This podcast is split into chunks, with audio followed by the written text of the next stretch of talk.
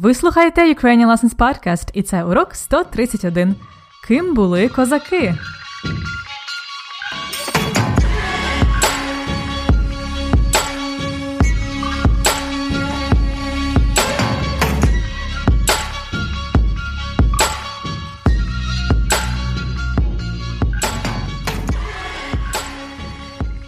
Привіт! Це Анна Огойко, ваша вчителька української, і новий епізод подкасту Уроки української. Це подкаст для всіх, хто вивчає і любить українську мову. Цього тижня, в понеділок, в Україні було свято Покрова Пресвятої Богородиці. Це релігійне християнське свято на честь Діви Марії або Богородиці. Але також історично це свято українських козаків.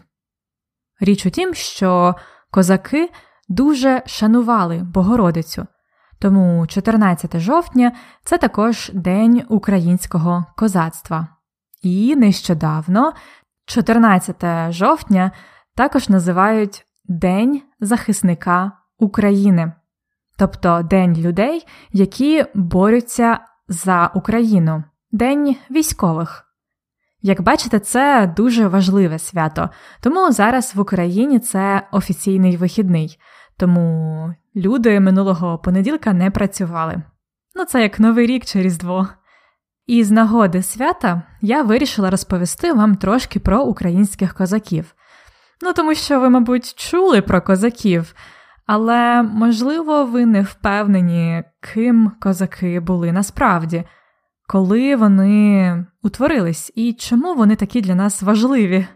Про це й поговоримо сьогодні. Але самі розумієте, що я не можу вам розповісти все про козаків всього за 15 хвилин. Про них є так багато різних історій, різних фактів, а також е, легенд, тобто чогось, що не є історичним фактом. Тому Відразу прошу вибачення, якщо я скажу щось не так. Я буду говорити про те, що я знаю зі школи, і з кількох книжок і відео на цю тему. То як, готові починати?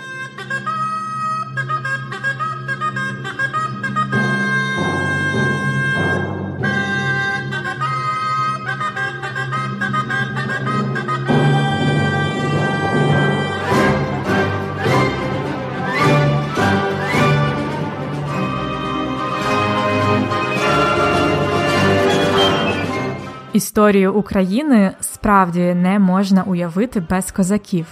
Ми вважаємо, що козаки це були не просто наші предки, козаки це і були українці. Можна сказати, що козаки це так само наш символ. Пам'ятаєте, як ми говорили у попередніх епізодах, що такі речі, як верба, калина чи вишиванка це символи України. Так само козаки це теж символи України, це символ нашої ідентичності. Чому так? Спробуємо розібратися. Для початку важливо згадати про історичний контекст тих часів, коли з'явились козаки. Це було 14 століття. Тоді вже закінчився період Київської Русі, і майже вся територія сучасної України належала до трьох держав. По-перше, це було Королівство Польське на заході України. По-друге, це Велике Князівство Литовське, це на півночі і в центрі. Воно тоді займало більшість території сучасної України. До Великого князівства Литовського входила Білорусь, країни Прибалтики і велика частина України. Насправді важко повірити, що Литва, яка зараз така маленька країна, знаєте, в Прибалтиці, що колись це була така величезна держава. Третя держава, яка була на території України, це було Кримське ханство в Криму і на півдні України. Кримське ханство як держава, звичайно, мала свою специфіку. Якщо Польща і Литва були християнськими, католицькими державами, то у Кримському ханстві основною релігією було мусульманство. Звичайно, культура там була дуже відмінна від е, культури слов'янських держав. Також у Кримському ханстві не було багато людей для роботи, тому вони використовували рабів. Раб це невільна людина, тобто людина, яка змушена працювати на когось іншого. Це людина без прав. Знаєте, таких людей купляли колись це раби. Причому у Кримському ханстві рабами мали бути не мусульмани, тому вони часто брали рабів на півночі від ханства, фактично на території України. Отже, це були такі три великі держави: Польське королівство, Князівство Литовське і Кримське ханство. Але крім того, була одна досить велика територія між Литвою і Кримом, і ця територія, в принципі, ніким не контролювалась. Це був просто такий великий степ. Його називали Дике поле. Дике поле це була територія над Кримським ханством, і там жило досить мало людей, бо це був степ. Там були такі досить непрості умови для проживання. Але вже в 15 столітті на цій дикій території у дикому степу оселялись люди, які не хотіли бути рабами і не хотіли жити в Польщі чи в Литві. Ці люди були дуже сильні, вони могли за себе поборотись, а також вони вміли полювати, тобто ловити диких тварин, щоб їсти їх так, а також вони ловили рибу. Отже, вони могли жити самостійно, незалежно, вільно. Такі люди називали себе козаками.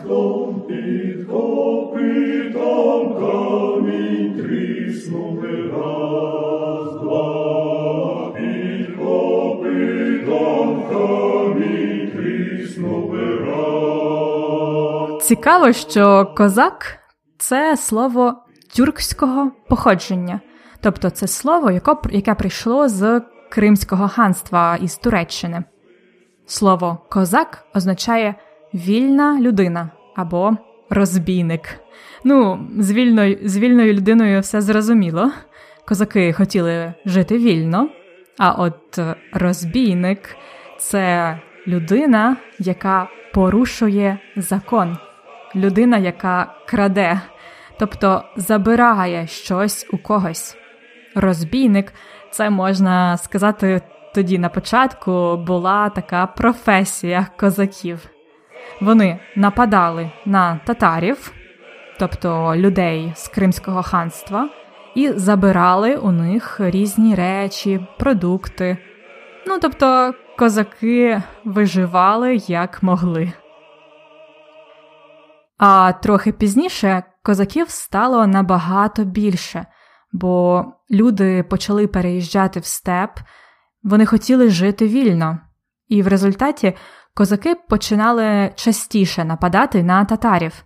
Вони більше боролися за те, щоб татари не брали рабів. Іноді козаки навіть звільняли рабів з Кримського ханства, і таким чином вони стали народними героями. А через деякий час козаки заселили території за порогами Дніпра. Знаєте, Дніпро це річка, найбільша річка в Україні.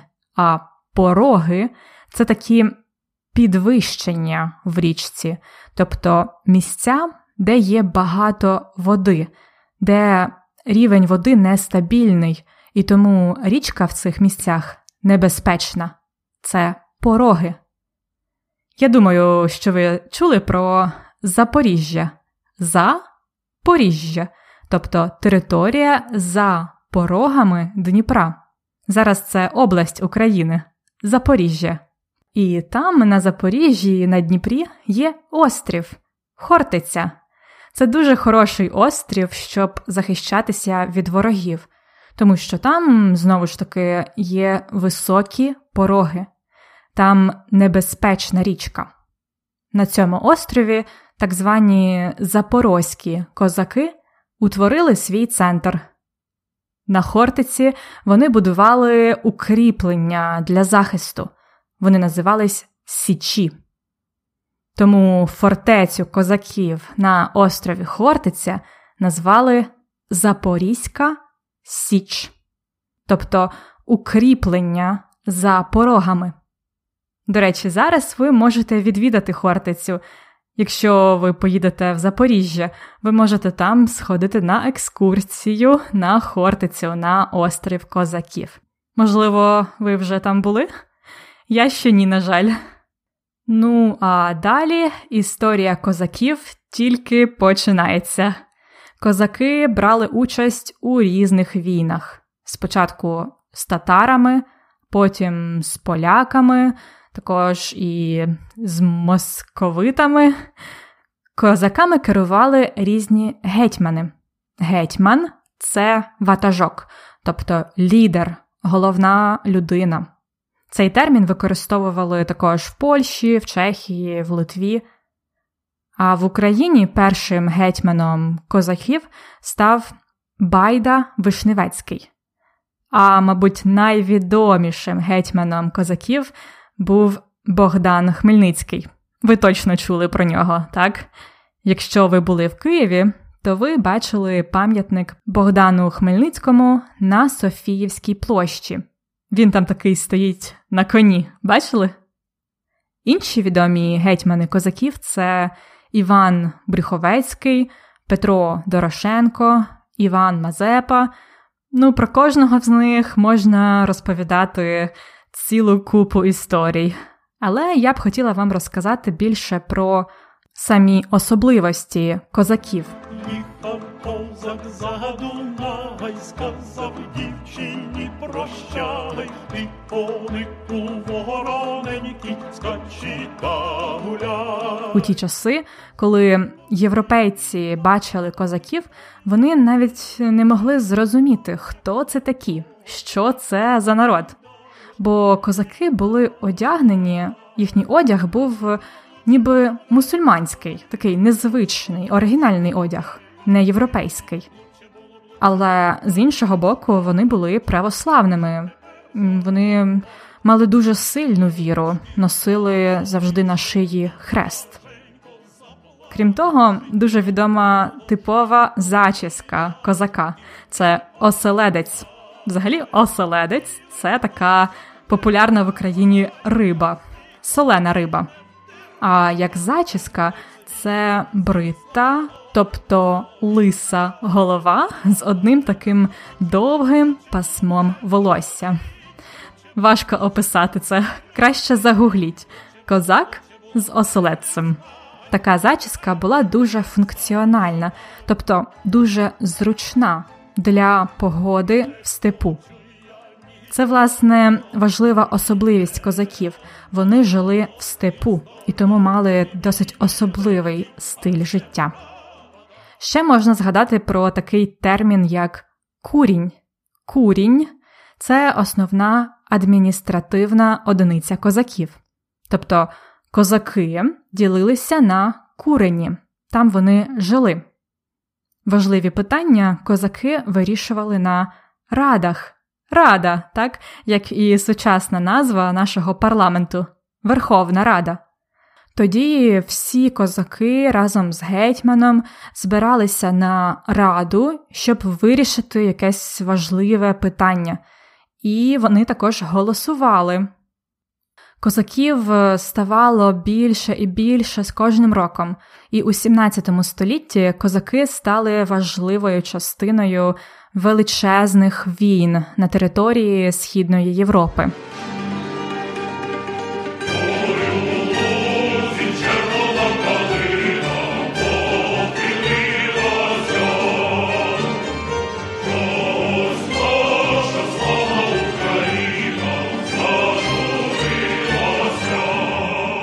Важко описати всі ці події, але якщо коротко, то козаків стало так багато, що вони могли почати боротьбу проти Польщі і Литви.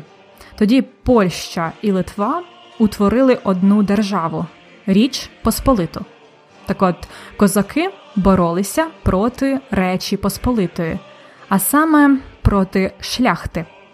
Шляхта. Це були такі заможні, багаті поляки, які не давали козакам розвиватися, вони не давали їм бути також багатими, і вони не давали козакам мати статус лицарів. І за часів Богдана Хмельницького козаки об'єднали свої зусилля з Московією, тобто боролися разом із е, Росією проти Речі Посполитої. А потім розпочалась північна війна війна між Московією і Швецією, і у ній також важливу участь брали козаки. Причому вони були в двох арміях на протилежних боках. Але це вже інша історія. Так, ті часи були справді кривавими, тобто пролилось багато крові, померло багато людей, криваві часи.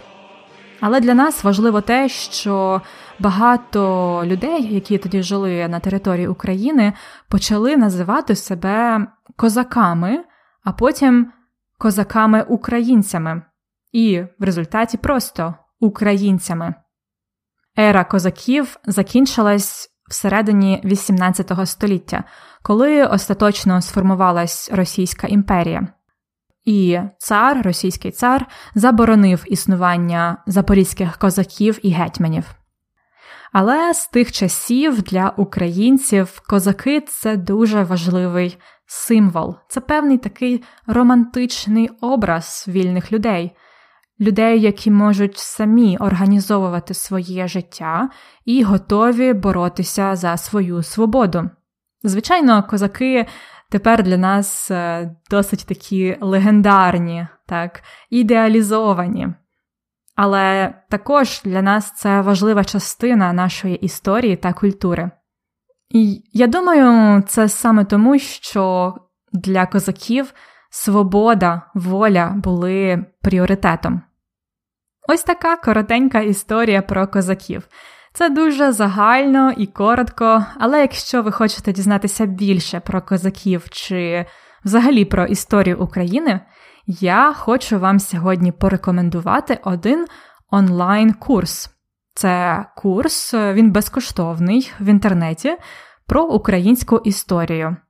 Це курс розроблений для українських старшокласників.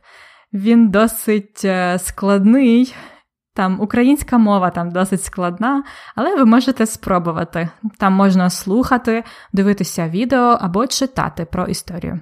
Посилання на курс ви можете знайти на сторінці ukrainianlessons.com риска епізод 131.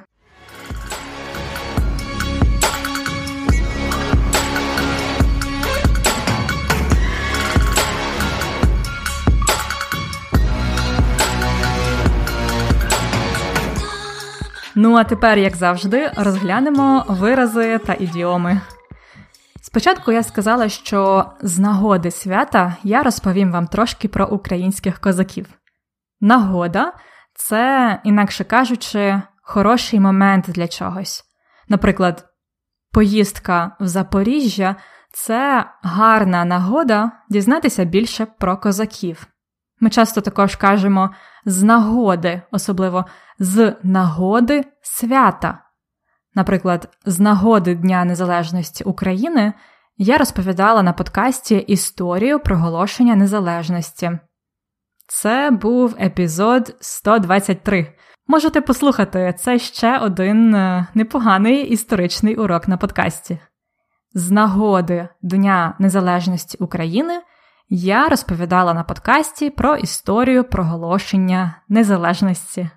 Також сьогодні я казала таке: самі розумієте, я не можу розповісти вам все про козаків за 15 хвилин.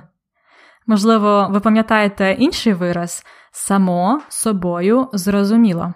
А самі розумієте, це щось схоже. Тобто це щось очевидне. Ви розумієте, що я маю на увазі. Самі розумієте. Самі розумієте, щоб записати цей епізод, я почитала більше про козаків і подивилася відео. Самі розумієте. Також я сказала, що я прошу вибачення, якщо я скажу щось не так.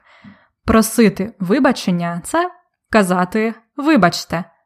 Прошу вибачення чи прошу вибачення це більш офіційна форма до просто вибач. Далі на початку я казала, що козак це теж символ України, це символ нашої ідентичності. А чому так? Спробуймо розібратися.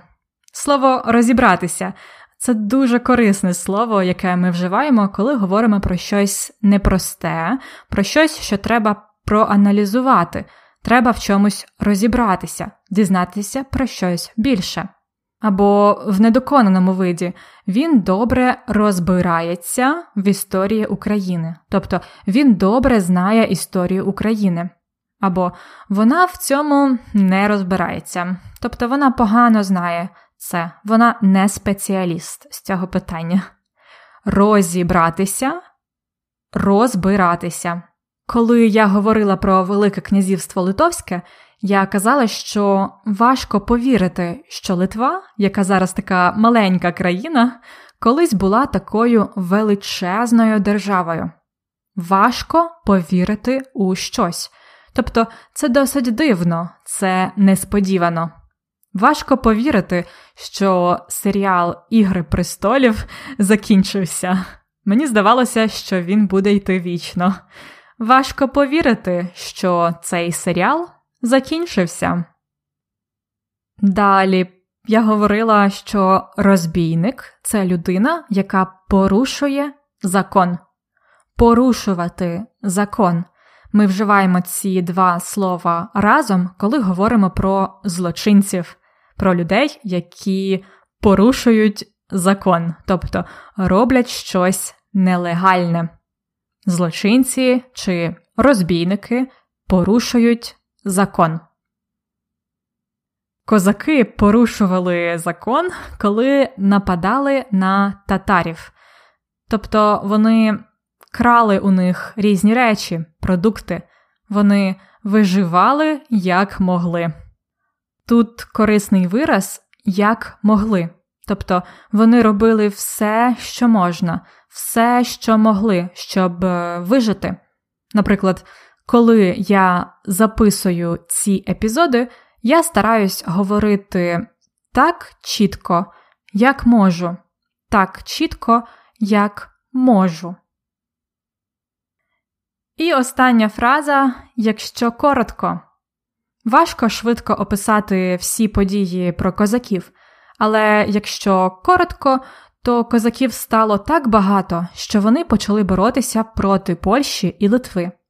Якщо коротко, тобто, якщо говорити небагато, якщо говорити коротко, можна багато розповідати про козаків, але якщо коротко, то фактично це перша українська армія.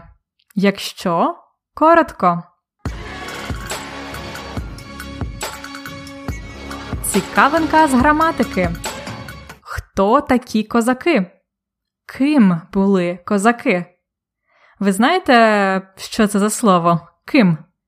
Ким це фактично слово хто, але в орудному відмінку. Наприклад, «Е, ким ти працюєш? Я працюю вчителькою. Або ким були козаки? Вони були вільними воїнами. Такі слова, як хто, що, а також хтось, щось, мають особливе відмінювання. Хто у родовому немає кого, давальний, кому, знахідний, теж кого, орудний, ким?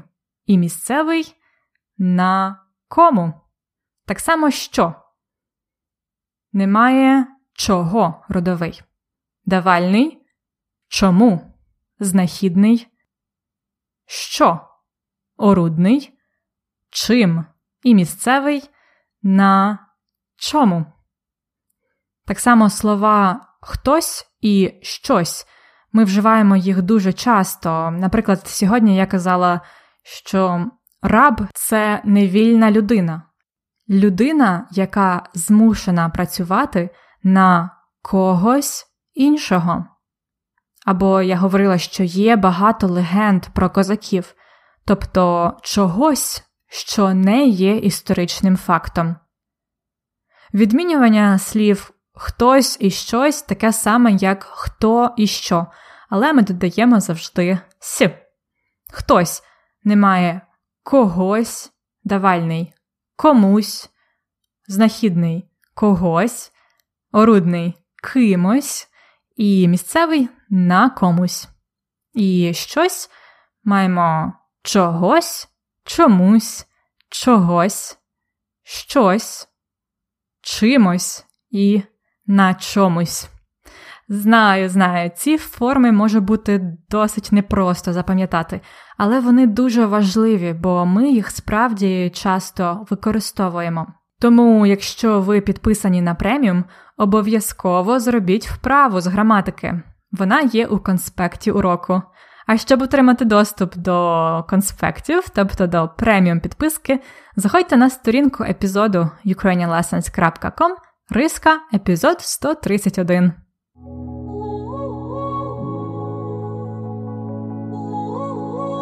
І це все на сьогодні. Можливо, тепер ви краще розумієте, хто такі козаки і ким вони були. А якщо вас дуже цікавить українська історія, ще раз рекомендую вам онлайн-курс з історії України. Посилання на курс, а також інформацію про преміум підписку ви можете знайти на сторінці ukrainianlessons.com риска епізод 131 ukrainianlessons.com slash episode 131 Бажаю вам гарного дня чи вечора! Всього найкращого! Па-па!